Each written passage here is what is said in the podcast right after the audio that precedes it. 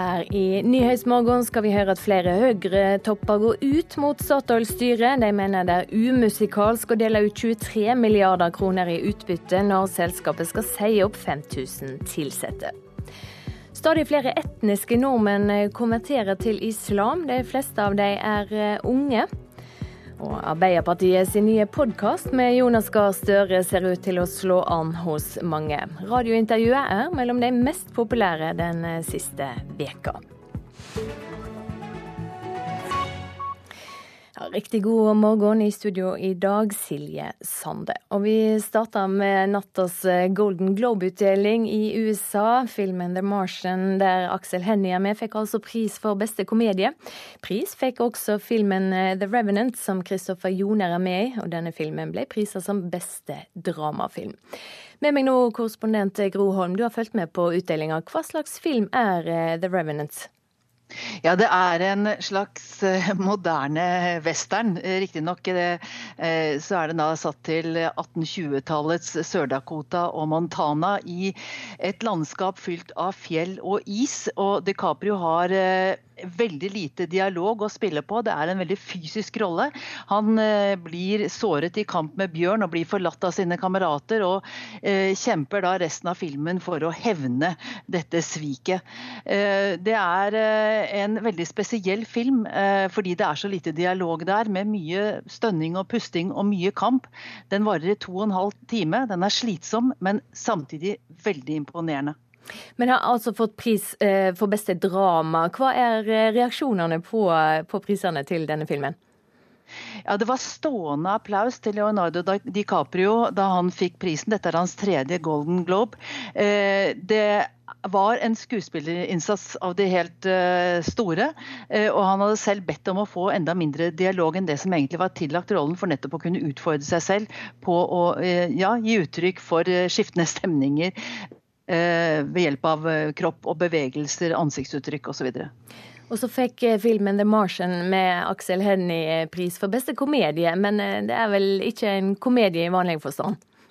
Nei, det er det ikke. Det handler om en eh, astronaut som blir forlatt på Mars. Resten av crewet tror at han er død og forlater, må evakuere Mars i full fart.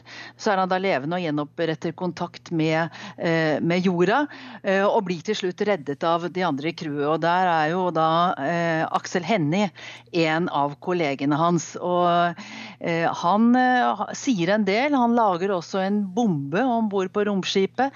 Men det er ikke noen stor rolle. men men det er en uh, morsom rolle. Hva andre filmer var det som utmerka seg under Golden Globe-utdelinga? Ja, Filmen om eh, Steve Jobs fikk uh, to priser. Uh, og en film som heter 'Mozart i jungelen', som da er en TV-film, den fikk også to priser. Uh, Lady Gaga hun fikk også en pris for en TV-serie eller miniserie på fjernsyn. og Eh, det er vel kanskje de, eh, de, de, viktigste å nevne i denne sammenhengen. Takk skal du ha for det, korrespondent eh, Gro Holm. Vi skal hjem igjen og høre at stadig flere etniske nordmenn konverterer til islam. De fleste av dem er unge, sier islamforsker Kari Vogt. Det er grunn til å tro at denne tendensen til vekst vil fortsette. Det vil antagelig fortsette med konversjoner, og det vil være først og fremst blant ungdom både menn og kvinner. I går fortalte NRK historien til 21 år gamle Marita Johnsen fra Kristiansand. Hun har konvertert til islam, men bakgrunnen hennes skiller seg fra mange andre muslimers. Bakgrunnen min skiller seg jo egentlig kanskje ut pga. at jeg er oppvokst i et veldig kristent og konservativt miljø. På en kristen privatskole og menighet. Eh, det er ganske lukka og veldig på en måte skjerma egentlig fra resten. Eh, det er veldig få som i det hele tatt går ut fra den menigheten, og de som gjør, vil vel kanskje heller gå vekk fra religion istedenfor å finne seg noe som nesten er enda mer strengt enn det som man går fra. Eh, de fleste har jo ikke støtta det i det hele tatt. Eh, de forstår ikke hvorfor. De klarer ikke å sette seg helt inn i hva som har gjort for at jeg på en måte har valgt å gå den veien. Familien min har prøvd så godt de kan å støtte meg, men det er jo også vanskelig å som sagt, forstå hvorfor jeg har tatt de valgene som jeg har også vanskelig på en måte for de å takle andre reaksjoner som kanskje kommer fra andre mennesker. Marita tror stadig flere etniske nordmenn kommer til å konvertere til islam i fremtida. Jeg tror det kommer til å bli en mye større utvikling som man kommer til å se ganske tydelig. Det kommer til å være flere som konverterer. Det er flere som vil på en måte finne sin grunn til ok, hvorfor er vi her på jorda. Hva er det som skal skje med oss etterpå? Eh, og Da er jo også islam veldig aktuelt å konvertere til, og da tror jeg flere unge vil gjøre det. Opplever du at folk har henvendt seg til deg og vært nysgjerrige på religionen din? Ja, det gjør jeg. Det er veldig mange som har kommet til meg med spørsmål om hvorfor. Eh, mange har lyst til å konvertere. Det er for mye henvendelser pga. det. Islamforsker Kari Vogt sier Maritas historie er unik. Det er en uvanlig historie. Jeg har ikke hørt tilsvarende eh, konversjonshistorier i eh, Norge. Ja, og Islamforskeren mener at eh, kring 1500 personer har konvertert til islam i Norge de siste ti åra. Reporter Elise Rønnevig Andersen. Vi skal ta en kikk på dagens avisframsider. Flere godt voksne går fra hverandre, skriver VG. Det er ofte kvinnene som tar initiativet, og som vil ha en ny start på livet når barna blir store. Statoil sponser luftslott i Angola, forteller Klassekampen. Fire år etter at Statoil overførte 281 millioner kroner for bl.a. å sponse et forskningssenter i det afrikanske landet, er det ingen tegn til at prosjektet er blitt noe av. Motstand mot å få en innvandrer i nær familie er mer enn halvert siden 2002, skriver Vårt Land. Avisa snakker med Jorunn Andestad Langmoen, som var så glad at hun gret da den palestinske svigersønnen Raed endelig kom til Norge. Dagbladet forteller hvorfor eldre bør trene hardere. Eldre har like god effekt av trening som yngre, og trening kan redusere risikoen for sykdom og tidlig død. Nasjonen forteller om en bonde på Jæren som kan få fjøset delt i to av en ny jernbanelinje. Dobbeltsporet kan bli lagt i en helt ny trasé og splitta hundrevis av bruk. Nå krever jordvernere konsekvensutgreiing.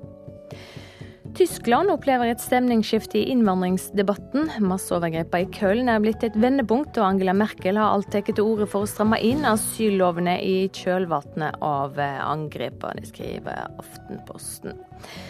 Heller på jobb enn et liv som pensjonist, er overskrifter i Adresseavisen. Nye regler gjør at eldre kan arbeide lenger. Avisa snakker med to arbeidstakere over 70 som stortrives med graving, vei og avløpsarbeid. Dagsavisen skriver om de skjulte kostnadene ved arbeidsløysa. Økt arbeidsløse fører til flere uføretrygda, advarer seniorforsker Knut Rød ved Frisksenteret. Og fylkesordføreren i Hordaland, Anne Gine Hestetøn, vil samle Vestlandet til ett rike, skriver Bergens Tidende. Hun får støtte fra kollega Jenny Følling i Sogn og Fjordane, men på ett vilkår. Nye storregioner må få tilført større oppgaver.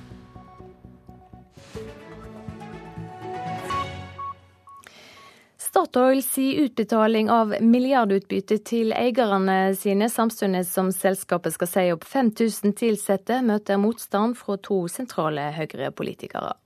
Parlamentarisk nestleder Nikolai Astrup og energipolitisk talskvinne Tina Bru mener at styret i Statoil må revurdere utbyttepolitikken i selskapet. Det skriver Dagens Næringsliv i dag. Og Nikolai Astrup, du er med oss i studio nå. God morgen. God morgen. Hvorfor skal Høyre mene noe om utbytte til børsnoterte Statoil? Det er klart at Det ligger til styret og generalforsamlingen å fastsette utbytte, og vi prøver på ingen måte å instruere dem eh, i dette spørsmålet. Men samtidig så mener jeg det må være legitimt å reise eh, spørsmålet om utbyttepolitikken til Statoil er, er riktig. Eh, de tapte altså 30 milliarder kroner i fjor og betalte likevel ut 23 milliarder i utbytte. Samtidig så sier de opp 5000 ansatte, og samtlige ansatte har fått tilbud om sluttpakke.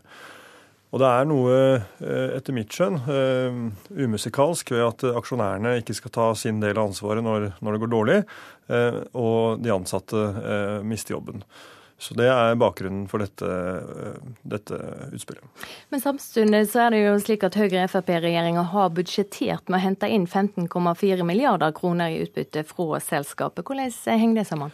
De pengene går jo inn i Statens pensjonsfond utland direkte, eh, og ikke inn på statsbudsjettet. Så staten har ingen kortsiktig interesse i at Statoil skal opprettholde utbytte. Det vi derimot har en interesse i, det er eh, en langsiktig verdiskaping som kommer både eierne og det norske samfunnet til gode. Eh, og det er klart at det å opprettholde utbytte i dårlige tider, det går hvis du taper penger i ett eller to kvartal, men over tid så sier det seg selv at det ikke er eh, bærekraftig. Og selskapet kunne hatt et annet handlingsrom eller styrket selskapets soliditet, kanskje latt være å utsette noen av sine investeringer, beholdt noe mer av sin nøkkelkompetanse dersom de hadde revurdert utbyttepolitikken. Men la meg understreke at er, eh, Vi støtter selvsagt helhjertet at eh, Statoil kutter kostnader. Det er helt nødvendig i hele bransjen. Det gjelder ikke bare Statoil. Eh, og det er vi positive til. Det er helt nødvendig. Samtidig så har jo både vi og Statoil en tro på at dette markedet etter hvert skal komme seg opp, og det er viktig at selskapet da er posisjonert også for det. Men går det ikke an å gjøre to ting på en gang? Både kutte kostnader og se på interessene til eierne? Jo, eh, det går an å kutte kostnader. Eh, og jeg mener det er et eh, godt prinsipp at overskudd, at utbytte er noe du deler ut fordi du har et overskudd å fordele. Og det har jo ikke Statoil hatt i 2015. Hvis det, denne situasjonen vedvarer, så mener i hvert fall jeg at det er grunn til å stille spørsmål ved om styret bør revurdere sin utbyttepolitikk. Har du flere med deg i dette synet? Ja, eh, jeg oppfatter jo at mange i bransjen er, enige med oss i at, eh, i at, dette er noe som styret bør, se på. Eh, og, at, og, ikke minst blant ansatte og tillitsvalgte og andre så, så har det vært reaksjoner på dette store utbyttet, og at aksjonærene ikke tar sin del av, ansvaret også når det går dårlig. De har hatt, aksjonærene har hatt en fantastisk utvikling de siste 10-15 årene, hvor oljeprisen gikk fra 30 til over 100 dollar. Men når det går dårlig, så skal aksjonærene skånes fra, fra fra den nedturen, eh, mens de ansatte tar, tar ansvar. Og det syns jeg er umusikalsk i de tidene vi står i nå. Takk skal du ha for at du kom i studio, Nikolai Astrup. Du hører på Nyhetsmorgen. Klokka er 6.45 straks. Hovedsaker i nyhetene i dag. Det er uklokt å bruke penger på midtrekkverk, det sier trafikkforsker. Store mengder snø og glatte veier fører til vanskelige kjøretilhøve mange steder på Sør- og Østlandet i dag. Og stadig flere etniske nordmenn konverterer til islam. De fleste av dem er unge. Vi skal ha sport. Norge dominerer langrennssporten, men utenlandske trenere og ledere er skeptiske til opplysningene om hvor mye de norske løperne trener. Landslagstrener Egil Kristiansen har opplevd at utlendinger ikke tror på det han forteller om de norske treningsmengdene. Jeg har hørt det litt i etterkant at det er ikke alle som kanskje tror på alt vi sier, det, men det er nå opp til dem. Ja, Men hva er responsen da? Nei, jeg tror de er litt overraska over hvor eh, faktisk mye jobb og mye som blir lagt ned både i trening og andre ting for, eh, for det å bli best. Egil Kristiansen og andre trenere og ledere i Norges Skiforbund inviterer andre nasjoner til samlinger i Norge, holder foredrag og forteller åpent om hvordan det trenes i det norske landslaget. Senest i høst skjedde dette. Flere drar altså hjem uten å tro på det. Det er noen som kanskje ikke tror helt at det, eh, det går an å trene så mye, men det, det går nå faktisk an place and winner, Martin Jonsrud Sundby. I årets sesong, og spesielt i Tour de Ski, som ble avsluttet i går, har den norske dominansen vært enorm. Noen norske langrennsløpere trente opptil 90 timer i desember, før touren startet. Skiforbundet deler informasjonen. Noen tar det til seg, andre ikke. Lagledermøte i Val di Fiemme før den siste etappen av Tour de Ski. Alle nasjonene som deltok var til stede. Blant dem Markus Kramer, tidligere juniortrener i Tyskland, landslagstrener i Sveits og nå landslagstrener i Russland. Han nevner ikke navn og nasjoner, men bekrefter at det er stor mistro blant flere utenlandske trenere. Yes, and, and... Ja, de mener det ikke er til å tro. Skepsisen er spesielt stor mot treningsmengden til de utøverne som deltar her i Tour de Ski. Jeg tror at de faktisk trener så mye, men andre trenere skjønner ikke hvordan de skal få sine egne til å gjøre det. For, for some coaches from other nations, it's, uh, they think, how can we do this with, with our athletes? Nei, det sier vel mer om dem enn det gjør om oss, egentlig. Så de får tro jeg får tro på det han vil. Nei, Det høres jo veldig spesielt ut. da. Sier Petter Northug og Sjurøte. Landslagstrener Egil Kristiansen tror det er vanskelig for konkurrentene å få gode resultater når de ikke tror på det nordmennene forteller. Nei, Det er litt vanskelig da, hvis du ikke tror på det de beste gjør, altså de som er best i verden gjør. så så må jo lista ligge der, og da må du nesten tro på det de sier. Ja, that, ja, det er helt klart et problem, sier Markus Kramer. De tror ikke på det, og da er det vanskelig å prestere godt. Men kanskje nå, etter Tour de Ski, ser de at de må endre sitt opplegg i den retningen. They, now I think they saw that uh, the results from the Norwegian are very, very good. So uh, I think they think more and more in this direction to, to change something in this direction. Reporter her, det var Geir Elle. Med nå langrennsekspert her i NRK, Fredrik Aukland. Hvorfor tror ikke utlendingene på det det norske landslagsledelsen sier om treningsmengder?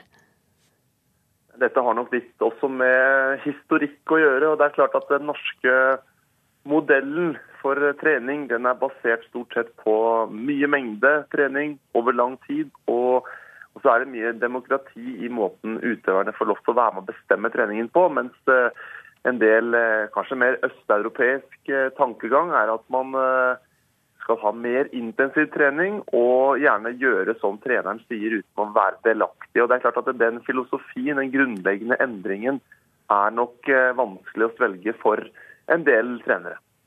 Ja, Du har sjøl vært trener for det sveitsiske landslaget. Hvor stor er forskjell på det som blir lagt ned av trening i Norge og blant eh, konkurrentene? Ja, altså Blant uh, de yngre så er det nok uh, en større forskjell. Når jeg sier yngre, så mener jeg junioralder, 16-17 år og opp til senioralder. Så gjøres det mer et, større arbeid i Norge blant de norske løperne enn for mange andre nasjoner. og jeg tror blant de aller beste i verdenscupen så, så, er det ikke så veldig store forskjeller. Det er mer det at de norske løperne har økt eh, treningsmengden en liten del. Vi snakker kanskje om en 100 eh, treningstimer i året. Og spesielt da inn, i, inn imot sesongen. Å tørre å gjøre det, det er nok ikke alle som tror er mulig. Men jeg tror den største endringen, eller den største forskjellen er det som totale arbeidet, alle timene som må legges ned fra man er 16-17 år og til man blir god. og det, det, tar faktisk lang tid å bli god, en god langrennsløper. Så det er både mengder av trening og det at løperne sjølve er med og engasjerer seg? Ja, det er, det er en totalpakke der som er eh, ganske så forskjellig. og det å endre et system fra å gjøre som treneren sier, til å være delaktig eh, i arbeidet sjøl, det, det, er en prosess som, eh, som, eh, er ganske omfattende. Jeg har selv opplevd litt det samme som trener i Sveits. Å, kunne få med seg laget og være, at de skal være med, utøverne skal være med og bli sine egne trenere, det er det er en styrke i den norske modellen som, eh, som de drar nytte av. Den, den, tror jeg man kanskje høster frukter av nå, spesielt fordi den generasjonen som er gode nå, med Martin Jonsrud Sundby, Therese Johaug, de har vært igjennom uh, denne modellen selv. Uh, og, vært, og har mye kunnskap om, om, trening og hva de skal gjøre for å bli gode. Og så har de trent såpass mye opp gjennom lang tid at de tåler å trene mye nå som seniorer. Takk skal du ha for at du var med, langrennsekspert her i NRK, Fredrik eh, Aukland.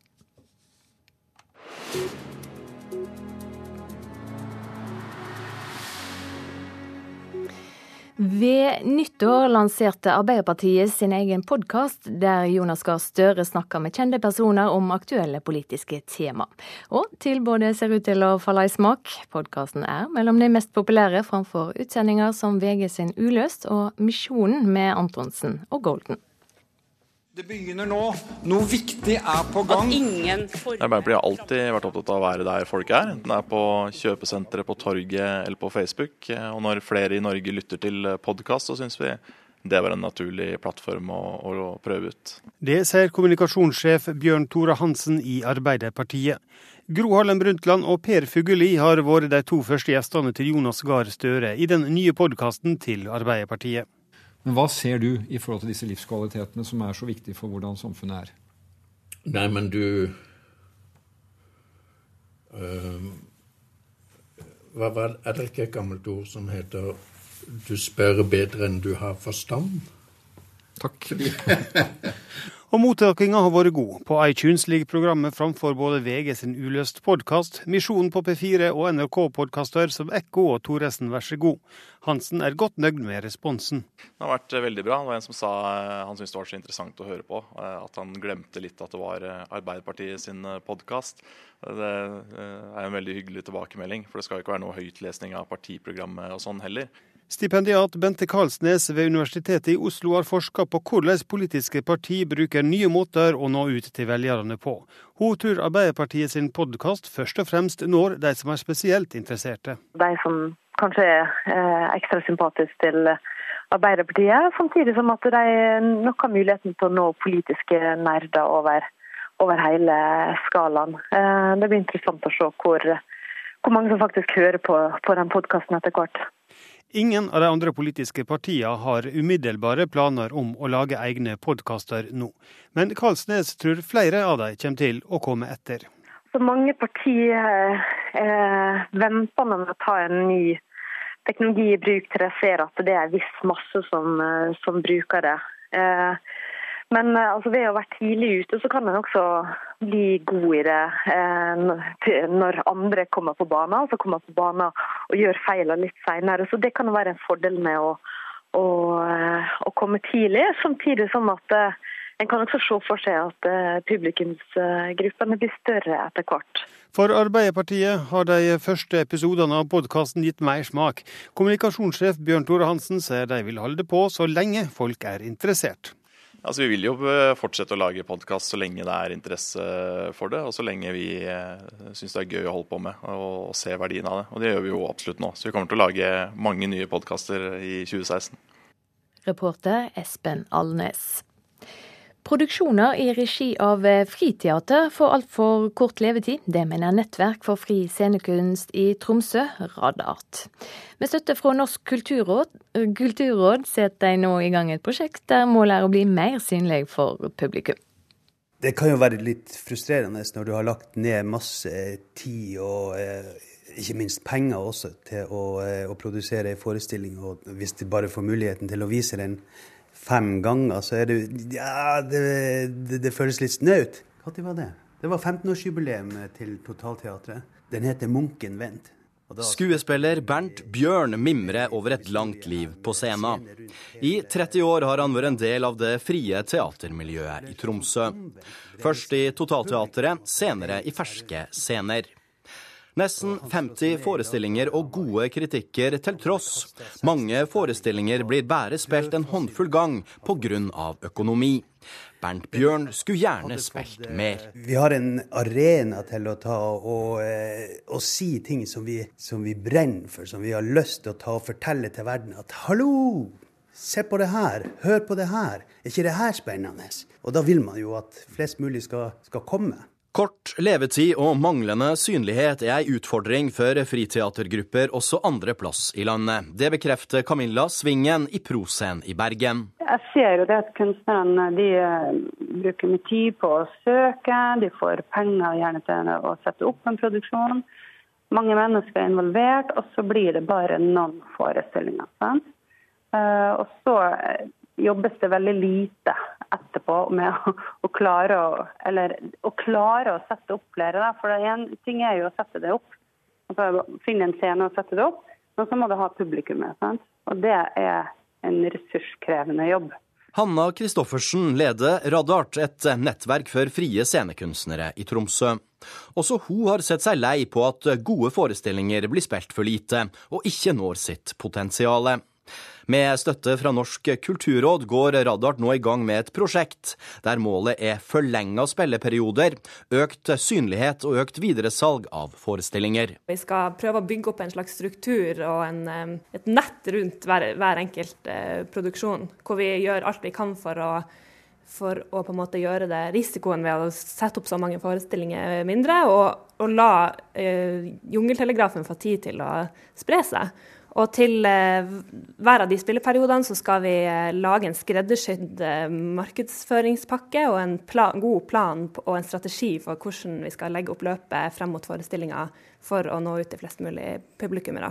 Underveis i de to årene skal vi bygge opp et erfaringsgrunnlag som vi kan dele med alle, og ja, at kompetansen skal være styrka i hele miljøet. Reporter Rune Norgård Andreassen. Vi skal ha et værvarsel som gjelder fram til midnatt. Fjellet i Sør-Norge minking til østlig. Frisk bris utsatte steder. Litt snø, etter hvert opphold og noe sol vest i Langfjella.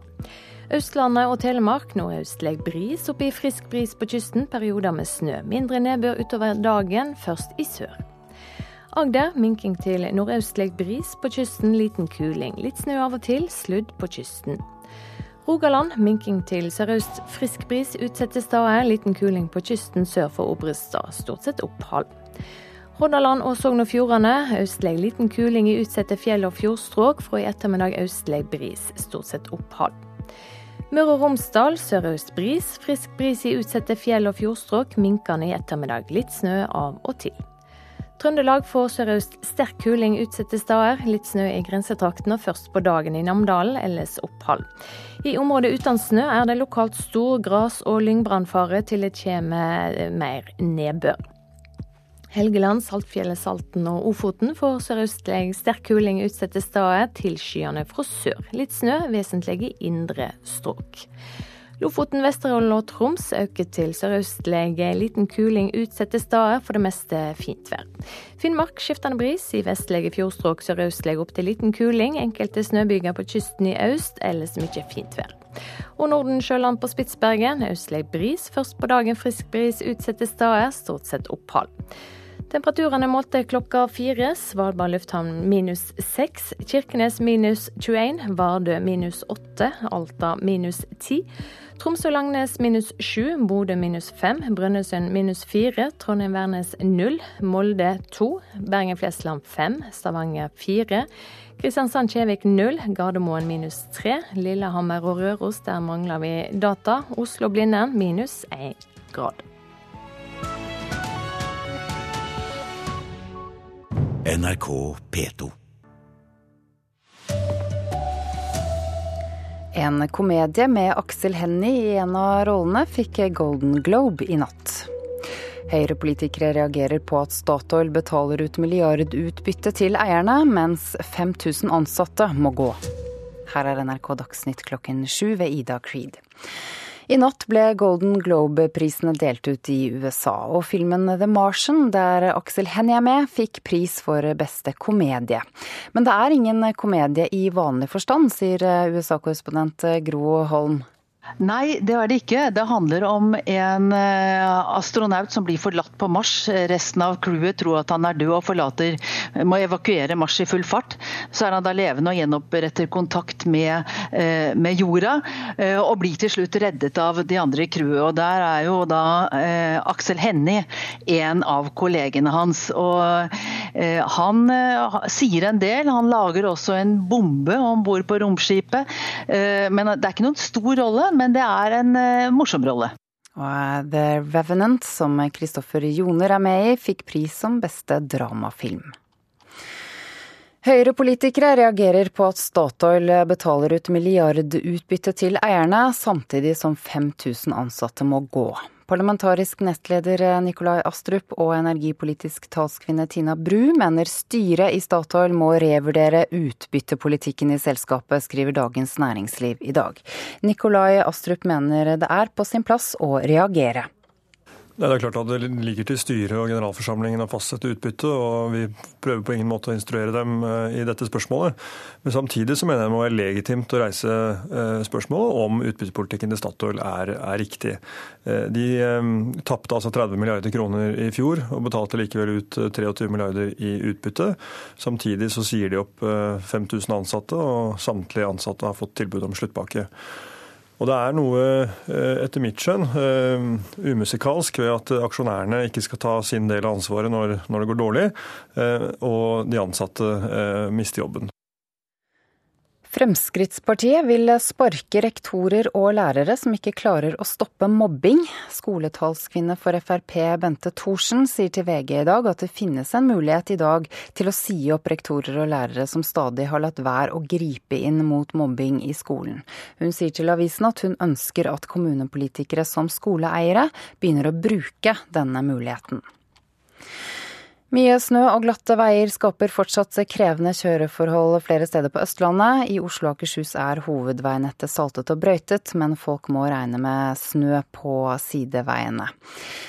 Det legger seg snø mange steder, opplyser Statens vegvesen, og bilister må være ekstra oppmerksomme. Det var Dagsnytt. Her i Nyhetsmorgen skal det straks handle om hva som er klok pengebruk når det gjelder trafikktrygghet. Svensk politi får kritikk for å holde tett om trakassering og overgrep mot unge kvinner på en ungdomsfestival i Stockholm. Og regelendringer ved nyttår fører til at mange norskeide skip nå bytter til norsk flagg. Midtrekkverk på veiene er uklok pengebruk, selv om eh, det er dette som hindrer flest dødsulykker på veiene. Det sier forsker Rune Elvik ved Transportøkonomisk institutt. Han er kritisk til at interessegrupper som Nei til frontkollisjoner vinner fram med sine krav, og hindrer billigere trafikktryggingstiltak som kan brukes på flere norske veier. De går inn for et veldig dyrt trafikksikkerhetstiltak. Møtefrie veier med midtrekkverk eh, eliminerer eh, oppimot 90% av alle dødsulykkene. Geir Tangstad Holdal i organisasjonen Nei til frontkollisjoner er skråsikker på at kampen mot dødsulykker i trafikken kan vinnes ved flere midtrekkverk og møtefrie veier. Men nå sier forsker Rune Elvik på Transportøkonomisk institutt nei til midtrekkverk. Han skriver i en kronikk på nettstedet samferdsel.no at interesseorganisasjoner som vinner fram med kravene sine, slike som Nei til frontkollisjoner, er en kjelde til ineffektiv ressursbruk. Problemet er at de aller fleste av våre veier er for smale. Hvis man skal ha tre felt, må veien først utvides for å få plass til det tredje feltet, og det koster veldig mye. Hva er alternativet? Forsterket midtoppmerking i form av rumlefelt, altså som ikke hindrer noe, da, men som gir lyd og vekker deg opp, er et bra tiltak. Og hvis man kombinerer det med nedsatt fartsgrense og eh, fotobokser, så får man eh, med de tre tiltakene til sammen omtrent samme effekt som midtrekkverk. Elvik mener pengene som hvert år blir løyvd til trafikktryggingstiltak, ikke blir brukt til det beste for de fleste. Vel, Man kan få eh, disse tiltakene på en langt større del av veinettet, og de vil komme flere trafikanter til gode hvis man bruker de tre tiltakene jeg nevnte, enn hvis man bare bruker midtrekkverk. Tangstad Holdal i Nei til frontkollisjoner reagerer sterkt på forskeren sine utspill. Vi er jo totalt eh, uenig i den påstanden Rune Elvik kommer med. Vi vet eh, fra tall fra Vegdirektoratet at 50% av utforkjøringen skjer til venstre for føreren. Det betyr også at møtefrie veier, som vi kaller det for, eh, det hindrer også den type eh, kollisjoner. Han sier han også tenker økonomi, men når det gjelder menneskeliv og hardt skadde, så er det litt eh, absurd at vi skal måles i kroner og øre. Vi vet at ulykkeskostnader ulykkeskostnadene koster opp imot 28 milliarder fra år til annet. Så her snakker vi om store summer. Vi snakker om store forebyggende summer vi kan spare med å nettopp bygge trygge, møtefrie veier.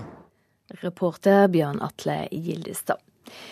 Med meg i studio nå Nikolai Astrup fra Høyre, leder av eh, transport- og kommunikasjonskomiteen på Stortinget. Ja, Vi hører forsker Rune Elvik mener vi vil få mer trafikktrygghet dersom vi bruker pengene annerledes. Hva eh, mener du om det? Det er jo ikke et spørsmål om enten-eller, eh, men et spørsmål om både og. Vi satser mye på såkalte rumlefelt, eller forsterket midtoppmerking, som, som han nevnte. Men vi bygger også midtdelere.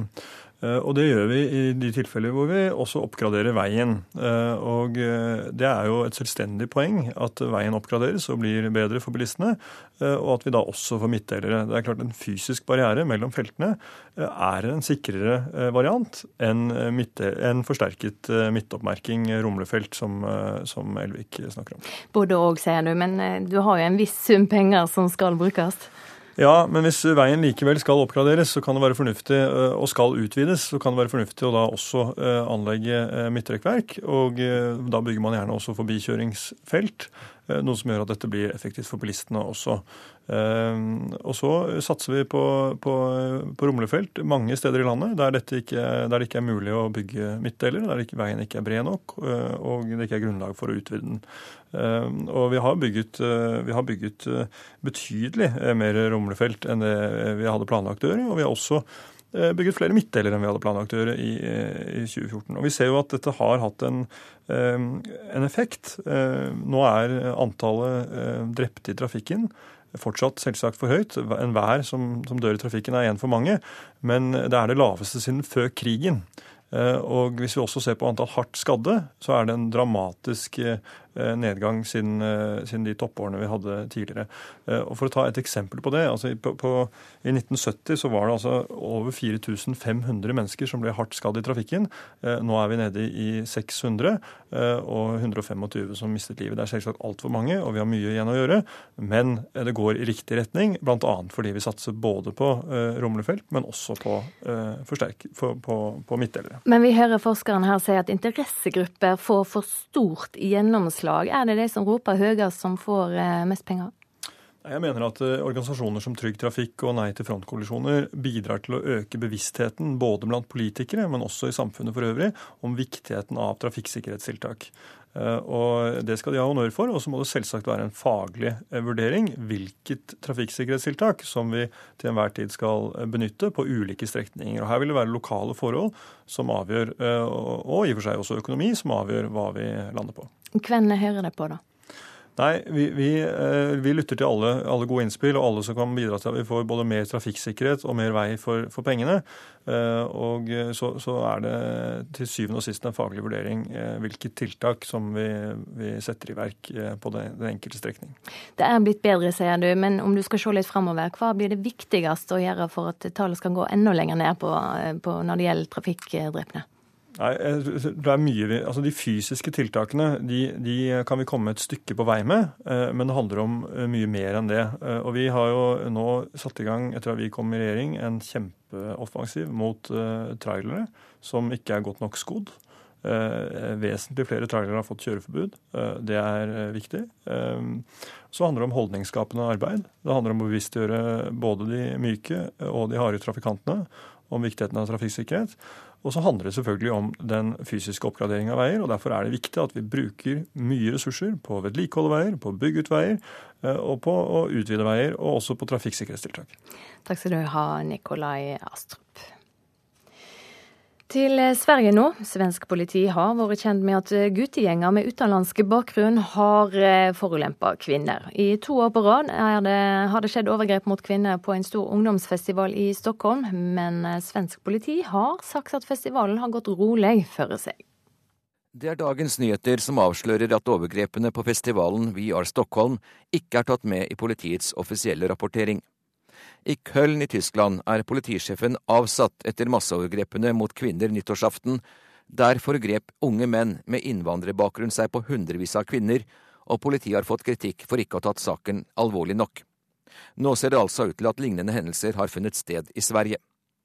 Hør bare på sitatet fra politisjef Peter Ågren. Dette er et ømt punkt, noen ganger tør vi ikke si det som det er, fordi vi tror at det tjener Sverigedemokratenes sak, sier han. For ordens skyld, Sverigedemokraterna er kjent for sin innvandringsfiendtlige politikk. 17 år gamle Fanny tenker tilbake på festivalen i Stockholm i 2014 med ubehag. Guttene var veldig nærgående, vi ble befølt over hele kroppen, og noen ble slått, sier hun. Dagens Nyheter har fått tilgang til politiets interne logg fra festivalen. Der ble det rapportert om det som skjedde. Men da politiet oppsummerte denne festivalen, er overgrepene mot kvinnene altså ikke nevnt. Det burde vi gjort, erkjenner Stockholmspolitiet nå. Det sa reporter Hans-Jørgen Solli. Mange norskeide skip bytter nå til norsk flagg. Norsk internasjonalt skipsregister i Bergen opplever stor pågang fra reierlag pga. ei regelendring som kom ved nyttår. Nå er det mulig å drive skipsfart mellom norske havner for skip som er på vei mot Europa. Og 21 skip har alt meldt eh, heimflagging. Ja, Vi seiler over egentlig hele Europa. Vi seiler med gjødning, vi seiler korn, masse stålprodukter, sement. Fra kontoret er det utsikt over Vågen i Bergen. Her ligger ulike fartøy på rekke og rad denne formiddagen. Som du ser her, det er jo rene offshorebåter. Nils Magne Fjereide er administrerende direktør i Misje rederi. De er ti ansatte her på hovedkontoret i Bergen, og har 200 sjøfolk på sine båter. Men rederiets elleve skip har til nå alle vært registrert på Bahamas. En stor del av det som er nærskipsfartsflåten i Norge, og da snakker vi om flere hundre skip, de er jo registrert ute. Det har ikke vært lov for norskregistrerte skip å seile mellom norske havner på vei til Europa. Det vil si at skip som har seilt fra Kirkenes mot Europa, ikke har fått lov til å gå innom Bergen eller andre norske havner på veien. Derfor har rederiene valgt å seile under utenlandsk flagg, som Bahamas, Bermuda eller Malta. Men fra nyttår ble regelen endret. Allerede melder mange rederier at de vil flagge hjem. Misje rederi i Bergen er et av de. Ja, alt tyder på at eh, vi skal få inn en god del nye skip. Det sier sjøfartsdirektør Olav Akselsen. Til nå har rederiene søkt hjemflagging for 21 skip etter regelendringen. Det vil si at de har søkt om navneattest i Norsk internasjonalt skipsregister. Akselsen tror flere vil flagge hjem, og at den norske NIS-flåten nå vil vokse seg vesentlig større. Vi er nokså sikre på 30, og tror det er realistisk òg hvis vi snakker om 50 nye skip. Det er veldig positivt, fordi at eh, vi har eh, lagt bak oss noen perioder der det har vært nokså stor nedgang i antall skip som har vært på det norske registeret. Går du ti år tilbake i tid, så har vi hatt en nedgang på 20 eh, Eh, det at vi greier å snu denne trenden nå, det er veldig positivt. Det er òg med å styrke Norge som eh, sjøfartsnasjon. Vi får større innflytelse når en skal forhandle i internasjonale fora om hva som skal være lover og regler for eh, den internasjonale maritime trafikken. Det er jo isolert sett positivt at det kommer flere skip inn i norsk register. Det sier forbundsleder i Norsk Sjømannsforbund, Jonny Hansen. Han er glad for at flere norske skip blir norskregistrert, men mener det bør gjøres en større innsats for at disse skipene skal få flere norske sjøfolk om bord. Den uttalte motsetninga til regjeringa er jo å styrke Norge som skipsfartsnasjon. Vi mener jo det at Norge som skipsfartsnasjon uten norske sjøfolk er egentlig null verdt. Dette er et veldig gledelig resultat, og veldig konkret resultat, av den maritime strategien vi la frem i slutten av mai i fjor. Det sier næringsminister Monica Mæland. Hun sier Norge som sjøfartsnasjon med dette styrker seg internasjonalt. Og som svar til Hansen sier hun regjeringen har lagt til rette for at rederiene kan ansette flere norske sjøfolk. Vi har nå endret uh, tilskuddet til sjøfolk, slik at uh, hvis du benytter norske mannskaper, så får du òg økonomiske fordeler av det. Det håper vi skal bidra til at vi får flere norske sjøfolk på skipene. Eh, på kontoret i Bergen følger Nils Magne Fjereide med på hvor mye skipene befinner seg. Dette er jo Aviles i Spania. De har i dag ansatte fra hele verden. Foreløpig har de meldt hjemflagging for ett av sine skip. Vi, vi, vil ta det litt over tid. Vi vil se hvordan ting fungerer. Ja. Men det er jo forholdsvis raskt å flagge om hvis du først bestemmer deg. Reporter Siri Løken. Klokka har passert 7.15. Du hører på Nyhetsmorgen. Det er uklokt å bruke penger på midtrekkverk, sier trafikkforsker som heller vil ha billigere trafikktryggingstiltak som kan brukes på flere norske veier. I Spania blir et medlem av kongefamilien for første gang stilt for retten. Vi skal straks høre mer om eh, hvorfor. Og huseiere gjør om enebosteder til ulovlige hybelhus. Vi har snakka med en student som forteller at hun fikk sjokk da hun skjønte at det var ti andre hybler i huset.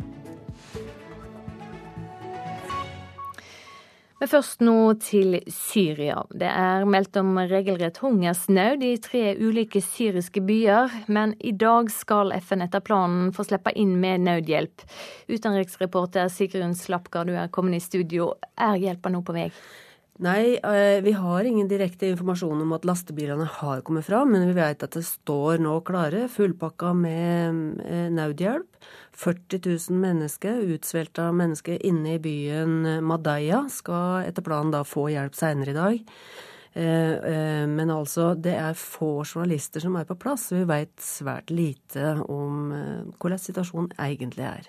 Ja, det er jo grusomme bilder og skildringer som kommer fra disse områdene. Hva vet vi om situasjonen i byer som Madaya? Ja, Det er stadige rapporter nå om dødsfall, og bilder som kommer ut, viser utmagra barn. Det blir sagt at det er en så desperat situasjon at til og med katter og hunder nå blir mat. Al Jazeera har i dag en reportasje som peker på at utsvelting av sivile blir brukt som et pressmiddel i krigen, og at minst to millioner barn er offer for dette. Eh, og det blir sagt at minst 400 000, 400 000 alt i alt er i direkte hungersnau akkurat nå i Syria. Det skal etter planen komme i stand fredsforhandlinger mellom partene i Syriakrigen i slutten av januar. Hvordan går det med, med denne planen? Ja, FN-utsendingen Staffan de Mistura var nettopp i Damaskus. Eh, han har ansvaret for å forberede forhandlingene. Syriske opposisjonsgrupper skal senere denne veka møtes i den saudiarabiske hovedstaden eh, Riyadh. Iran forsikrer i dag om at eh, konflikten med Saudi-Arabia på ingen måte skal påvirke disse forhandlingene, og alle håper jo nå at eh, Syria skal slippe å gå inn i sitt sjette år med krig, men fredsforhandlingene vil jo trolig ta tid. Takk skal du ha for at du kom i studio, Sigrun Slapka. Da skal vi videre til eh, Spania, for eh, for første gang i det spanske monarkiet sin historie blir eh, en av kongen sine familiemedlemmer stilt for retten. Kong Felippes søster, prinsesse Christina, er tiltalt for medvirknad i ei sak om skattesvik, og tidligere europakorrespondent Åse Marit Befring, hva er hun tiltalt for? Hun er tiltalt for skattejuks. Hun skal ha vært med å skjule store beløp fra Eh, skatting. Og dette var eh, fra beskatning. Og dette var altså penger som kom fra det offentlige opprinnelig, eh, og som da dommeren mener at hennes mann og en medtiltalt har klart å snike seg til, nærmest kanalisert gjennom ulike organisasjoner. Og en del av disse pengene havnet altså i et familieforetak der hun er deleier. Dommeren mener at hun i sin rolle som prinsesse og del av kongehuset var en stor grunn til at man fikk disse pengene i utgangspunktet, eh, og at hun også eh, var bevisst når hun eh, da skal ha vært med å skjule en del av disse pengene for, for det offentlige. Hva har denne saken å si for monarkiet i Spania? Ja, denne rettsforfølgelsen har rammet monarkiet veldig hardt. Det er første gang man ser en kongelig, en prinsesse, sitte eh, foran en dommer i en rettssal. Det har ikke skjedd i Spania før, det har ikke skjedd i Europa før i nyere tid. Og mistanken om eh, korrupsjon i kongefamilien blir også sett på som én av grunnene til at kong eh, Carlos abdiserte for snart to år siden. På det tidspunktet så ville et flertall av spanjolene avvikle monarkiet. Juan Carlos han ble tatt både med buksene nede når han var på elefantjakt i Botswana. I tillegg så var også svigersønnen hans eh, i, siktet i en sak, og etter hvert også så ble mistanken rettet mot hans datter. Det var mer enn folk kunne tåle. Hvor står monarkiet nå, da? Ja, Der monarkiet vaklet for et par år siden, så uh, der hadde man jo demonstrasjoner uh, for en republikk. Så har uh, kong Filipe klart å vinne denne tilliten tilbake. Han har tatt sterk, sterk avstand fra korrupsjon, og han har også tatt avstand fra sin søster. Hun har mistet sin hertuginnetittel. Hun får ikke delta på offentlige arrangementer. Hun har heller ikke diplomatpass lenger. Og så må vi huske på at Spanias kongehus har hatt en veldig spesiell plass i historien, fordi Juan Carlos han ble hentet av eh, tidligere diktator Franco eh, og blir sett på som symbolet på eh, hvordan man fikk en overgang til demokrati i Spania. Man har ikke rørt kongehuset. Han har fått lov til å reise på dyre luksusturer, han har hatt sine elskerinner osv. Og, så og man har ikke omtalt dette, men noe endret seg når denne saken kom opp. Er det grunn til å tro at prinsesse Kristina blir dømt? Ja, eksperter mener at det er ganske usannsynlig. Eh, det kan man ikke se for seg kan skje. Men det har vært en viktig prosess også mot henne. Eh, det kan jo nevnes at dommeren også ville at hun eh, skulle tiltales for hvitvasking. Det fikk han ikke medhold i. Men dette er en viktig sak for å vise at kongehuset ikke står over lovene. Hva med mannen hennes, som jo er hovedtiltalt? Ja, Han er hovedtiltalt, og han er nærmest forhåndsdømt i mediene. Man omtaler nå hvor vanskelig det blir for prinsessen å besøke han i fengselet. Eh, og den eh, strafferammen, eh, den straffen han risikerer, er over 19 års fengsel. Så det er en veldig alvorlig tiltale. Og så får vi se da hvordan det går fremover. Takk skal du ha, Åse Marit Befring. Saka går for en domstol på Mallorca fram til juni. I Mexico har styresmaktene starta arbeidet med å få utlevert narkobaron Joaquin El Chapo Guzman til USA. Det opplyser det meksikanske justisdepartementet. El Chapo var tatt av politiet på fredag etter at han stakk av fra fengsel i juli i fjor. USA var raske med å kreve han utlevert. Guzman leder kartellet som har smugla store mengder kokain, marihuana og metamfetamin til USA. Og narkobaronen kan bli sendt til USA innen eh, sommeren, det ifølge kjelder. Så skal vi ta en kikk på dagens avisframsider. Flere godt voksne går fra hverandre, skriver VG. Det er ofte kvinnene som tar initiativet, og som vil ha en ny start på livet når barna blir store. Statoil sponsa luftslott i Angola, forteller Klassekampen. Fire år etter at Statoil overførte 281 millioner kroner for bl.a. å sponse et forskningssenter i det afrikanske landet, er det ingen tegn til at prosjektet er blitt noe av. Og I Dagens Næringsliv går flere Høyre-topper ut mot Statoil-styret. Nikolai Astrup og Tina Bru mener det er umusikalsk å dele ut 23 milliarder kroner i utbytte når selskapet skal si opp 5000 ansatte. Motstanden mot å få en innvandrer i nær familie er mer enn halvert siden 2002, forteller Vårt Land. Avisa snakker med Jorunn Andesa Langmoen, som var så glad at hun gret da den palestinske svigersønnen endelig kom til Norge. Dagbladet forteller hvorfor eldre bør trene hardere. Eldre har like god effekt av trening som yngre, og trening kan redusere risiko for sykdom og tidlig død. Nasjonen skriver om en bonde på Jæren som kan få fjøset delt i to av en ny jernbanelinje. Dobbeltsporet kan bli lagt i en helt ny trasé og splitta hundrevis av bruk. Nå krever jordvernere konsekvensutgreiing. Tyskland opplever et stemningsskifte i innvandringsdebatten, skriver Aftenposten. Masseovergrepene i Köln er blitt et vendepunkt, og Angela Merkel har alt tatt til orde for å stramme inn asyllovene i kjølvannet av angrepene.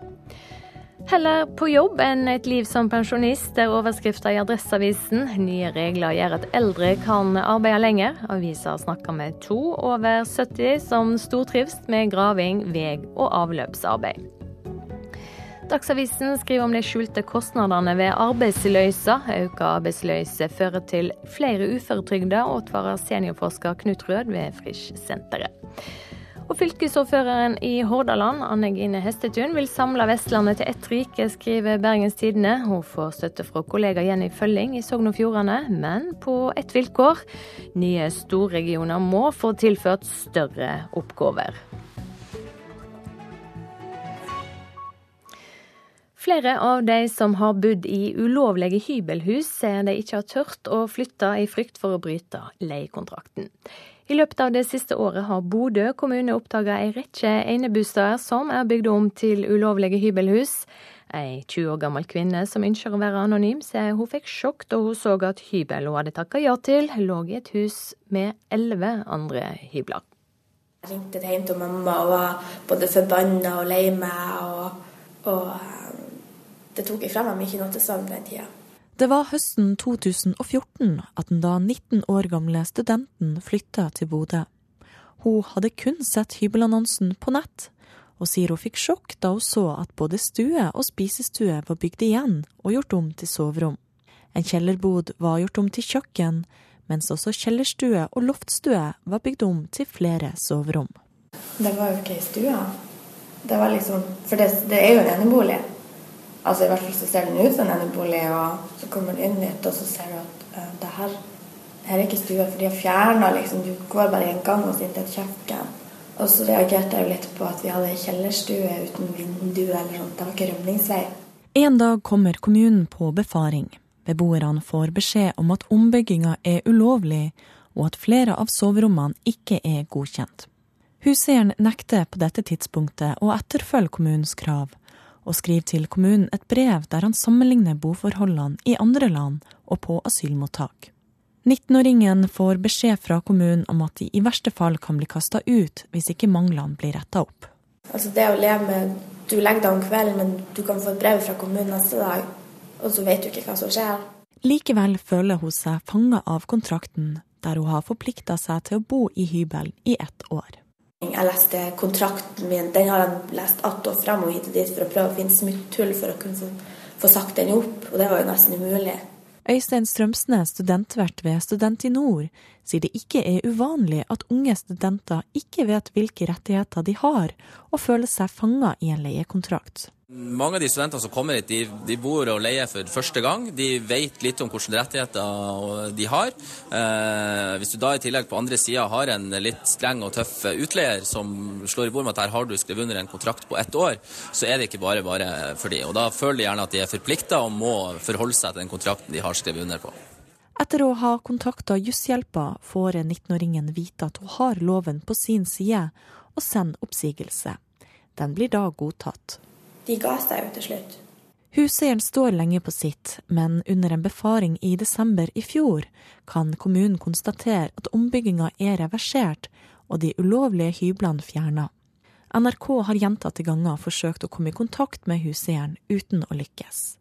Men byggesaksdokumentene viser at han flere ganger sender inn søknader og tegninger for å få bygginga godkjent, og at han skriver at han syns regelverket er svært komplisert. Bygningssjef Tor Aaseng i Bodø kommune sier at enkelte paragrafer kan være vanskelig å forstå, og at det derfor er viktig å be om hjelp hvis man ønsker å bygge om. Når det går på bruksendring, eh, der de skal endre fra bolig til, til eh, hybelbygg, så er det jo slik at eh, da vil det jo måtte komme inn noen som er ansvarlig søker av det. Og det er vel kanskje den kompetansen som de må kjøpe. Reportere Hilde Mangset Lorentzen og Bjørn Erik Rygg Lunde. Oljeprisfall og vestlige sanksjoner har ført til flere fattige i Russland. Nye tall viser at det nå er over 20 millioner fattige i landet. Kring 14% av folket lever under fattigdomsgrensa på 1400 kroner i inntekt i måneden. Og det er en økning i tallet på fattige på 2,3 millioner fra 2014. I reportasjen etter Dagsnytt skal vi til Ukraina og bli med på den ortodokse julefeiringa der. Produsent for Nyhetsmorgen i dag, Arild Svalbjørg. I studio, Silje Sande.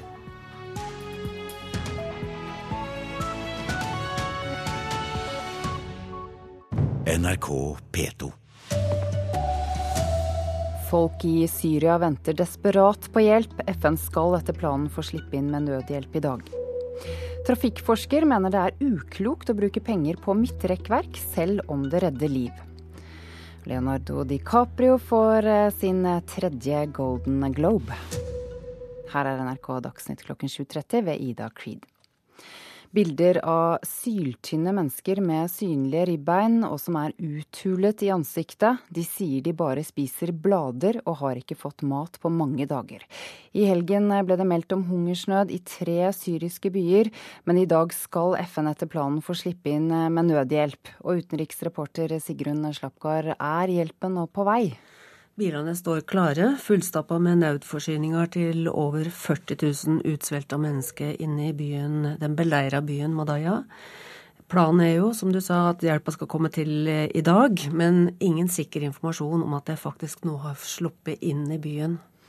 Det er jo særlig denne byen Madaya vi har hørt om. Hva mer kan du si om situasjonen der? Ja, At den er på overtid og veldig akutt. Det er flere rapporter nå om dødsfall. Som du sa, stadig flere bilder av utmagra barn. At det er en så desperat situasjon at til og med katter og hunder nå blir mat.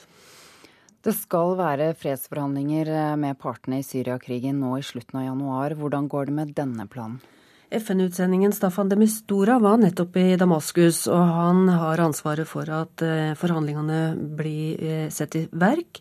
Og syriske opposisjonsgrupper skal møtes seinere denne veka i den saudi-arabiske hovedstaden Riyadh. Iran forsikrer i dag om at konflikten med Saudi-Arabia på ingen måte skal forsinke forhandlingene.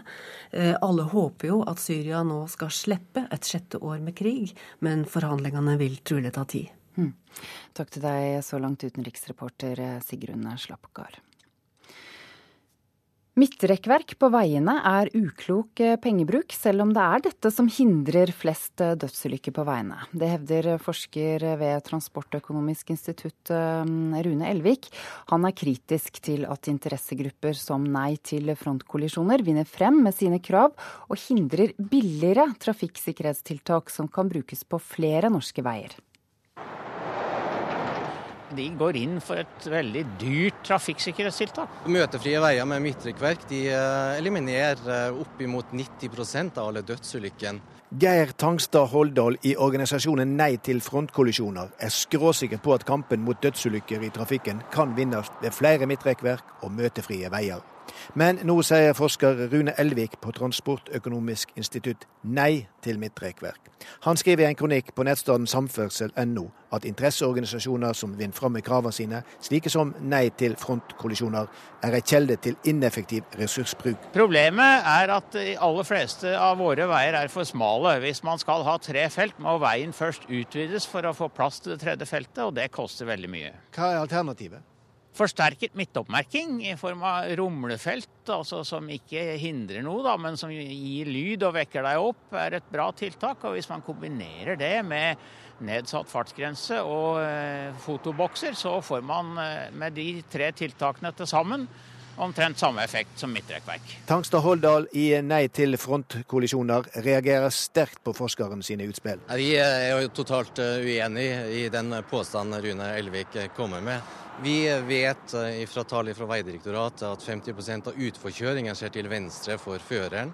Det betyr også at møtefrie veier, som vi kaller det for, Eh, det hindrer også den type eh, kollisjoner. Han sier han også tenker økonomi, men Når det gjelder menneskeliv og hardt skadde, så er det litt eh, absurd at vi skal måles i kroner og øre. Reporter Bjørn Atle Gildestad. Fremskrittspartiet vil sparke rektorer og lærere som ikke klarer å stoppe mobbing. Skoletalskvinne for Frp Bente Thorsen sier til VG i dag at det finnes en mulighet i dag til å si opp rektorer og lærere som stadig har latt være å gripe inn mot mobbing i skolen. Hun sier til avisen at hun ønsker at kommunepolitikerne som skoleeiere begynner å bruke denne muligheten. Også svensk politi har vært kjent med at guttegjenger med utenlandsk bakgrunn har begått overgrep mot kvinner. Hendelsene ligner på det som skjedde i Köln i Tyskland på nyttårsaften, der flere hundre kvinner har anmeldt trakassering og overgrep. I to år på rad er det begått overgrep mot kvinner på en stor ungdomsfestival i Stockholm, mens svensk politi har sagt at festivalen har gått rolig for seg. Det er dagens nyheter som avslører at overgrepene på festivalen We Are Stockholm ikke er tatt med i politiets offisielle rapportering. I Köln i Tyskland er politisjefen avsatt etter masseovergrepene mot kvinner nyttårsaften. Der forgrep unge menn med innvandrerbakgrunn seg på hundrevis av kvinner, og politiet har fått kritikk for ikke å ha tatt saken alvorlig nok. Nå viser det seg altså at lignende hendelser har funnet sted i Sverige. Pressesjef Varg Ylander i Stockholmspolitiet sier det slik til Sveriges Radio. Problemet er ikke politiarbeidet, men det at vi har mislykkes med å tale om at det har gjorts. Politisjef Peter Ågren legger ikke noe imellom når han uttaler seg til Dagens Nyheter. Dette er et ømt punkt. Noen ganger tør vi ikke si det som det er, fordi vi tror det tjener Sverigedemokratenes sak, sier han. For ordens skyld, Sverigedemokratene er kjent for sin innvandringsfiendtlige politikk. 17 år gamle Fanny tenker tilbake på festivalen i Stockholm i 2014 med ubehag. Guttene var veldig nærgående, vi ble befølt over hele kroppen, og noen ble slått, sier hun. Dagens Nyheter kan fortelle om det som har skjedd, fordi avisen har fått tilgang til politiets interne logg fra festivalen. Der ble det rapportert om det som skjedde, men da politiet oppsummerte, ble altså ingenting sagt. Og Der er jeg jo selvkritisk som ansvarlig for det her i Stockholm, at vi burde ha kommunisert det. Og jeg vet faktisk i dag ikke hvorfor det ikke har skjedd. Reporter Hans Jørgen Solli. Høyre-politikere her hjemme reagerer på at Statoil betaler ut milliardutbytte til eierne, samtidig som 5000 ansatte må gå. Parlamentarisk nestleder Nikolai Astrup og energipolitisk talskvinne Tina Bru mener styret i Statoil må revurdere utbyttepolitikken i selskapet. Det skriver Dagens Næringsliv i dag. Nikolai Astrup mener det er på sin plass å reagere. Det er klart at det ligger til styret og generalforsamlingen å fastsette utbytte, og vi prøver på ingen måte å instruere dem eh, i dette spørsmålet. Men samtidig så mener jeg det må være legitimt å reise eh, spørsmålet om utbyttepolitikken til Statoil er, er riktig.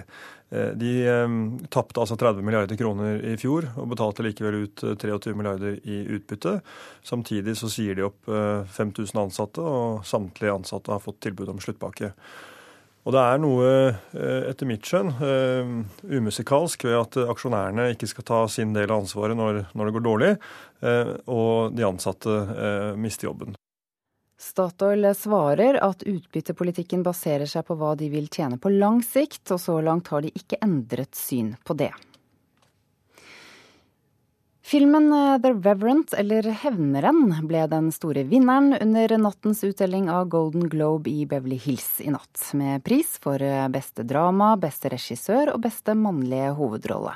Leonardo DiCaprio fikk eh, sin tredje Golden Globe. And the Golden Globe goes to Leonardo DiCaprio.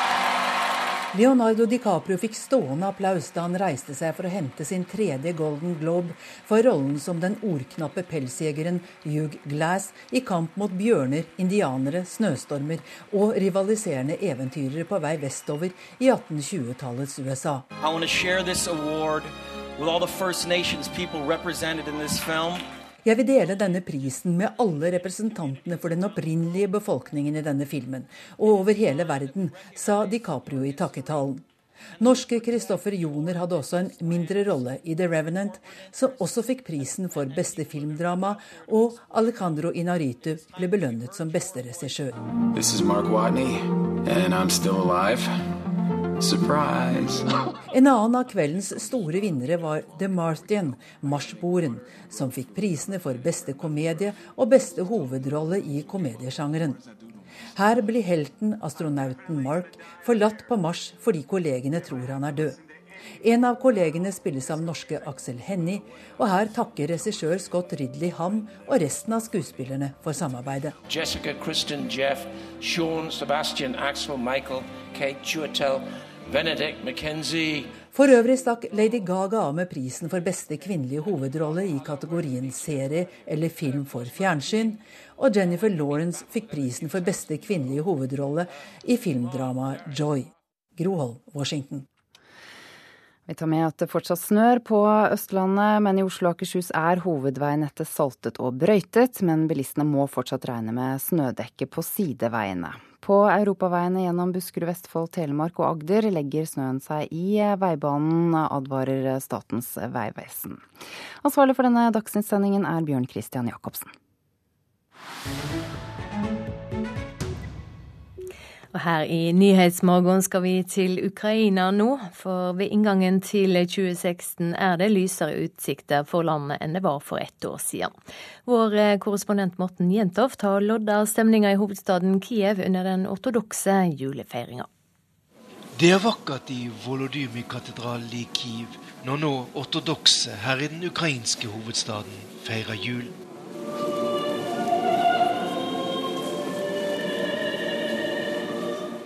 Og det hele ble nesten guddommelig når koret, ofte støttet av profesjonelle sangere fra operaen i byen, stemmer i.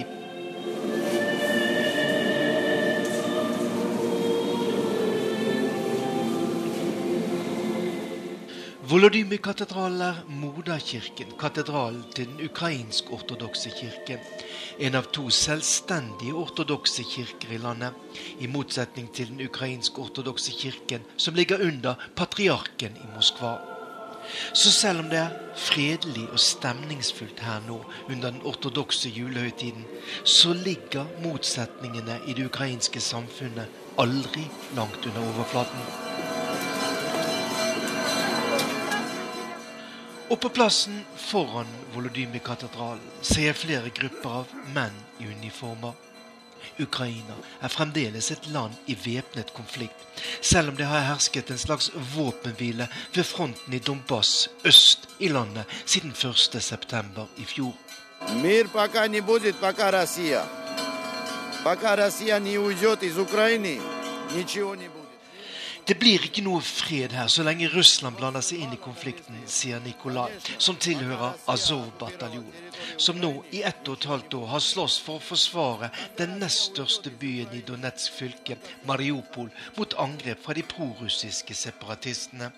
Azov har måttet tåle kritikk for å bruke nazilignende symboler, men har også fått anerkjennelse for å ta kampen opp i en tid der hele den ukrainske staten sto i fare for å gå i oppløsning. Nå er det de som skyter på oss, men vi skyter ikke tilbake i tråd med Minsk-avtalen, sier Nikolai. På plassen foran den gule Volodymyr-katedralen treffer jeg også Aleg og Anna, som begge ser litt lysere på situasjonen nå ved inngangen til 2016. Jeg tror at vårt folk nå vil reise seg igjen, sier Aleg, mens Anna, i likhet med svært mange ukrainere, er lut lei konflikt og krig. Russia men Alleg trekker fram at Ukraina faktisk hadde en liten vekst i økonomien i siste halvdel av 2015, og en prognose på et par prosent opp i 2016. Og de to får støtte i sin forsiktige optimisme fra mange eksperter som mener at den frihandelsavtalen som trådte i kraft med EU fra 1.1.2016, vil gi økte investeringer og på sikt vekst i ukrainsk økonomi de nærmeste årene. Hvis da konflikten øst i landet blir løst.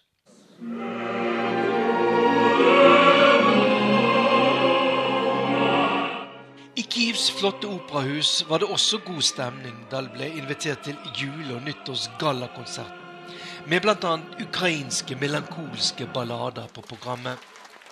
Men det er mange snubletråder som ligger for ukrainerne i 2016. De fleste av ukrainerne håper likevel at det verste nå er over, og at det skal være mulig å se en lysning i tunnelen etter to år med konflikt og krig. Folk i Syria venter desperat på hjelp. FN skal etter planen få slippe inn med nødhjelp i løpet av dagen. Det er uklokt å bruke penger på midtrekkverk, sier trafikkforsker, som heller vil ha billigere tiltak som kan sikre tryggheten på flere av de norske veiene. Flere Høyre-topper går ut mot Statoil-styret. De mener det er umusikalsk å dele ut 23 milliarder kroner i utbytte når selskapet skal si opp 5000 ansatte. Store mengder snø og glatte veier fører til vanskelige kjøretilhøve mange steder på Sør- og Østlandet i dag. Og I Spania blir et medlem av kongefamilien for første gang stilt for retten. Kong Filippes søster prinsesse Kristina er tiltalt for medvirknad i en sak om skattesvik. Nå er det klart for Politisk kvarter, programleder Håvard Grønli.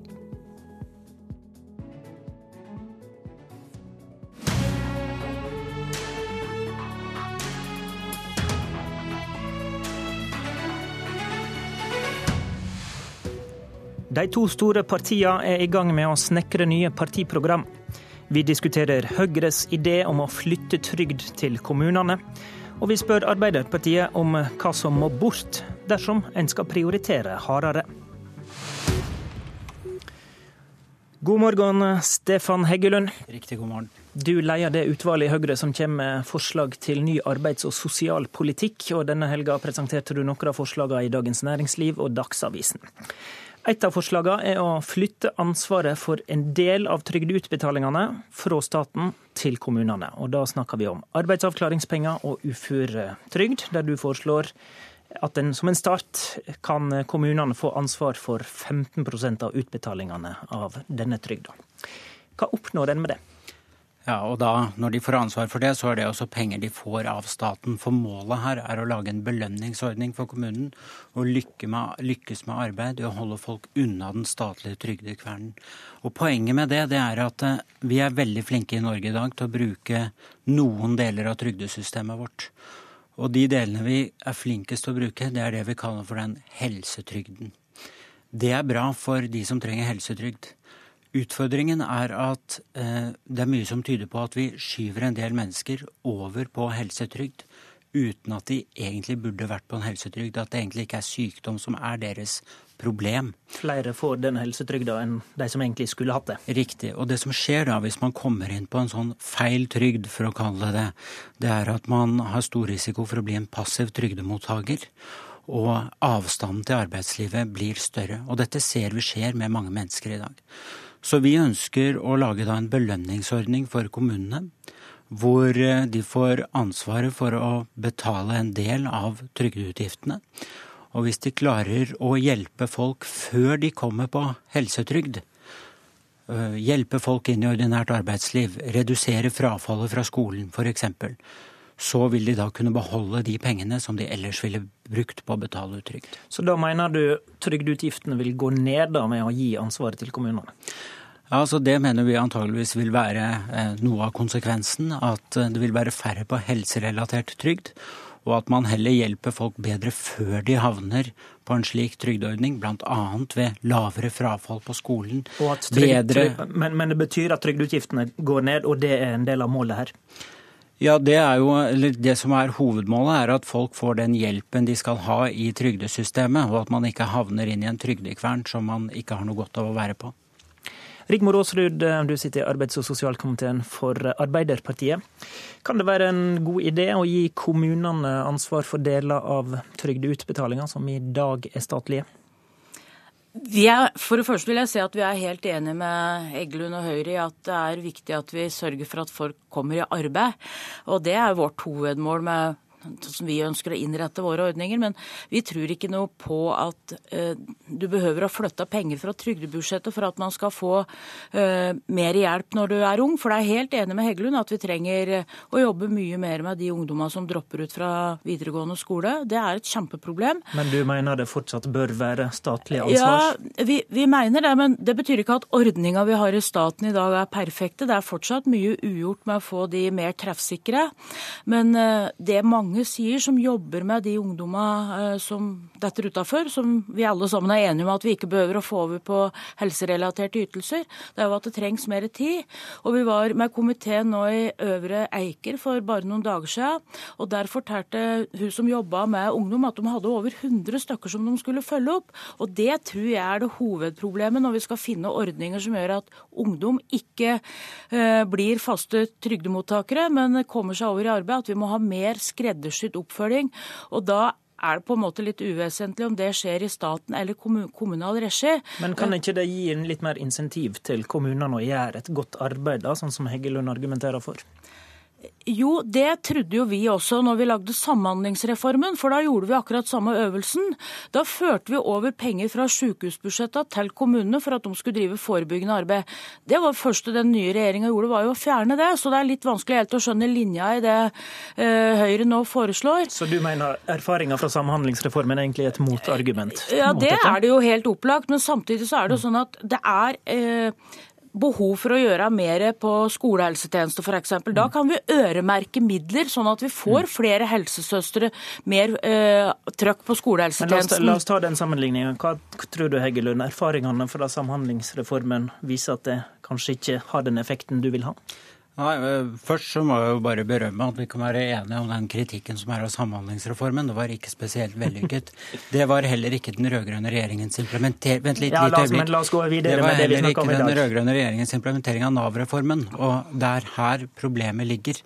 Fordi eh, konsekvensen av Nav-reformen slik den ble implementert av de rød-grønne, det er at omtrent det eneste velferdsproblemet som prioriteres i det norske velferdssystemet i dag, det er helseutfordringer. Men det finnes en rekke andre velferdsutfordringer som vi må adressere, og som trygdesystemet vårt ikke er flink nok til å gjøre i dag. Og, og, når vi snakker om å da ha ressurser til å hjelpe unge mennesker, hva er det som skjer med veldig mange unge mennesker i dag? Jo, de blir plassert inn på en ordning som heter arbeidsavklaringspenger. Og nå har det kommet tre veldig interessante rapporter om arbeidsavklaringspenger. Og Hva er det f.eks. rapporten til Sintef sier? Jo, der er det en rekke Nav-medarbeidere som uttaler at disse unge menneskene de blir passivisert inne på AAP-ordningen. Og det hadde vært bedre hvis de hadde fått god oppfølging i kommunen med sosialhjelp og aktivitetsplikt, som vi innfører da, vil gjøre at kommunene får bygget ut dette systemet skikkelig. Og det er her, for i dag har kommunene et insentiv til å plassere folk på statlige ytelser, men vi vil gi dem et insentiv til å lykkes med arbeidet før man trenger det. Jeg har bare lyst til å si til Heggelund, vi var i Drammen på samme komitéreisa. Der har man innført aktivitetsplikt for ungdommer som får sosialhjelp. Det syns jeg er veldig bra. Men der fortalte de at bare én av fire av de ungdommene var gode nok til å komme seg ut i et aktivitetstilbud. Resten hadde så store helserelaterte ytelser, eller sykdommer at du måtte ha hjelp til det. Derfor så tror jeg ikke at sosialhjelp er det som hjelper ungdom inn i arbeid. Sosialhjelp er jo en økonomisk ytelse som du skal få i en periode periode der du, der du trenger det. Nav-systemet er jo trena på å gi ungdom og andre arbeidstrening. Så har vi foreslått i statsbudsjettet nå at vi bør ha et særlig oppmerksomhet omkring de unge. Laga et Nav Ung som kan se ordninga i Nav mer på tvers, sånn at folk ikke blir gående så lenge på helserelaterte ytelser. For jeg er helt enig, hvis du er arbeidsavklart gjennom Nav-systemet, og du kan ut i arbeid, så skal du over på de ordninga som sørger for at du kommer over i arbeid. Så jeg tror ikke det at vi splitter opp dette her, la noen eh, som er i den kategorien at de trenger hjelp til å komme i arbeid, skal over til kommunene, mens andre skal være igjen i staten. Jeg tror ikke det er noe god oppdeling. Det blir mer byråkrati og mindre strømlinjeformer. Men det vi er enige om Så Du kan svare på det, Heggelund. Byråkrati og strømlinjeforming. Kan det være en fare for oppsplitting med ditt forslag? Vel, strømlinjeformingen, som var et av disse hovedprosjektene med Nav-reformen. altså Når du prøver å strømlinje, så er problemet at alle passer ikke inn i den strømmen. Eh, og jeg tror heller ikke så veldig mye på byråkratiargumentet, for dette er egentlig en ganske enkel ting å gjøre. Eh, du overfører deler av trygdebudsjettet til kommunen, og så sier du at kommunen får beholde det de faktisk ikke trenger å bruke på trygd fordi de har lykkes med det sosialfaglige arbeidet. Men hvorfor, men, hvorfor, 15, jeg, men jeg, hvorfor 15 da, som du foreslår? Du flytter jo bare en liten del av dette. Ja, jeg flytter så, eller Vi foreslår å flytte så mye som vi mener vil være et godt insentiv for kommunene eh, å kunne motta hvis de klarer å lykkes med det sosialfaglige arbeidet sitt. Men så vil jeg bare si til Rigmor Aasrud at jeg gjentar egentlig bare det som står i disse forskningsrapportene. Det er det jeg gjør. Og der står det altså at man ville kunne fått bedre oppfølging hvis man var hos kommunen, enn hvis man ble plassert på en passiv statlig trygdeytelse. Og det er et veldig viktig innspill i forbindelse med det som er noe av det største innholdsreformen i Nav, som faktisk har vist seg å ikke være spesielt vellykket med å hjelpe unge mennesker. Er du enig i den kritikken Åsrud, at kommunene kanskje har et insentiv til å flytte folk over på helserelaterte trygdeytelser? Nei, det tror jeg faktisk ikke. Eh, men det som de forskningsrapportene som Heggelund viser til, sier, det er jo at du trenger tettere oppfølging. Det må være flere personer som jobber med de samme tinga. Og det får du ikke automatisk hvis du fører ting over til kommunene. Det er det vi trenger. Vi må styrke Nav, sånn at flere kan få hjelp. Og da trenger vi mer folk som kan jobbe med de ungdommene. Takk for debatten til Rigmor Aasrud og Stefan Heggelund.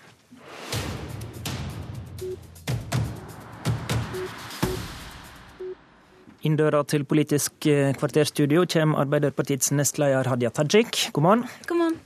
Du skal leie Aps programarbeid før stortingsvalget 2017. Vi har nettopp diskutert noen av Høyre sine forslag i prosessen med nytt program, og vittige Høyre-tunge har alle påpeka at dere allerede ligger litt etter, siden dere starta først i dag. Vi har allerede satt i gang en del utvalg som skal levere til programarbeidet. Eh, Bl.a. på industri, det kommer nå, på, nå i februar. Så dere er i gang? Familiepolitikk og på en rekke andre områder. Så ja, vi er i gang. Dere sier sjøl at målet er et smalere og slankere program med tydeligere prioriteringer. Betyr den tilnærminga at Ap sjøl må bli flinkere til å prioritere hardere mellom gode formål i politikken? Arbeiderpartiet sitt prosjekt gjennom generasjoner har jo handla om at eh, man skal sørge for å gi flere mennesker flere muligheter. Og det vi da må spørre oss når vi står i eh, startgruppa til Arbeiderpartiets programprosess, er jo hvilke store utfordringer er det Norge står overfor akkurat nå? Hva er det vi må ta tak i? Og jeg tror at eh, på nåværende tidspunkt så er det særlig tre områder som merker seg ut. Det er det som handler om arbeid og det å kunne leve av egen inntekt. Det er det som handler om å kunne sørge for ny grønn industri industri, altså en eh, bærekraftig verdiskaping for framtida. Og ikke minst er det det som handler om å ha tydelige spilleregler for et mangfoldig Norge. Men det med prioriteringer, som jeg prøvde å spørre om, da. Ønsker du at et parti som prioriterer tydeligere mellom gode formål? Vi er jo et parti som eh, er et statsbærende parti. Så vi tar jo inn over oss og inn i partiprogrammet alle deler av de behovene som Norge har. Men jeg tror at eh, det er viktig å si at det er noen utfordringer som er så store. De må vi ta først. Og så er det andre som kommer i andre rekke. Og de tre elementene som jeg peker på nå, Arbeid til alle, ny grønn industri. Spillereglene for et mangfoldig Norge de peker seg spesielt tydelig ut akkurat nå. Så altså, jo... er vi, for akkurat nå i det siste har det vært mye snakk om omstilling av ei økende arbeidsløse, og, og at uh, vilkårene rett og slett forandrer seg litt. Og må en da prioritere f.eks. hardere i velferdspolitikken og lage et program som peker på en mindre omfattende velferdsstat? Det tror jeg er et mer aktuelt eh, spørsmål for Høyre. De har jo eh, mindre penger enn det Arbeiderpartiet har, fordi de prioriterer deres prioritering når de møter okay, framtida, er jo å kutte i skattene. Så Arbeiderpartiet trenger ikke å slanke Velferds-Norge? Vi er nødt til å se på hvordan vi kan gjøre ting bedre, sånn at vi kan hjelpe flere mennesker til å kunne ha eh, selvstendige inntekter, være, altså kunne leve de livene som de sjøl måtte ønske. Så prioriteringer er det helt klart behov for. Men når du setter det på spissen sånn som du gjør, mm. så er det jo ingen tvil om at vi har økonomien til, forutsetningene for, å løse de store utfordringene som vi står overfor. Men betyr Fordi det at omfanget vi ikke gjør det som Høyre og Fremskrittspartiet gjør, nemlig store kutt i skattene til de som ikke trenger det. Men betyr det at omfanget av velferdsstaten om lag bør forbli som i dag? Jeg tror at noe av det som kjennetegner Norge, er jo nettopp det at vi har en sterk velferdsstat. Det at vi har en eh, robust offentlig sektor. Samtidig som vi har eh, mange tusenvis av private næringsdrivende som òg trenger den sterke offentlige sektoren, som trenger den velferden. Jeg har brukt en del tid det siste halve året på å møte mange næringslivsledere. Kommer til å gjøre det òg i året som kommer i forbindelse med Arbeiderpartiets programprosess. Noen av de tingene de trekker fram, i tillegg til orden i økonomien og at man har en, god og tydelig økonomisk politikk, det er nettopp det at det at Norge er et land med små forskjeller, er noe av det som gjør deres hverdag, deres muligheter, så gode som mulig. Det det betyr at det å ha en god velferdspolitikk, det sikrer òg næringslivet og næringslivspolitikken. Du peker sjøl på den uh, grønne framtida. Um, mener du sjøl at det har vært uh, at vi har sett et tydelig Arbeiderparti når det gjelder f.eks. hva slags konsekvenser klimakuttavtalen i Paris skal få for Norge? Jeg tror vi kan bli enda tydeligere. Jeg kommer jo sjøl fra Vestlandet. Eh, faren min eh, jobba i olja, så jeg er veldig klar over hvor eh, viktig petroleumsindustrien har vært og er for Norge. Den kommer til å fortsette å være viktig. Men jeg tror at man er nødt til å være enda tydeligere på framover at for å kunne ha en bærekraftig verdiskaping for framtida, for å ha mer å kunne både skape og å dele, så er vi nødt til å sørge for at vi har flere sterke industrimessige bein å stå på. Takk til deg, Hadia Tajik. Arbeiderpartiet de har også kasta seg på podkastbølgen. Mer om det kan du få i Kulturnytt, som kommer etter oss. Og om du ikke fikk med deg hele Politisk kvarter, så husk at også vi finnes som podkast. I studio i dag, Håvard Grønli.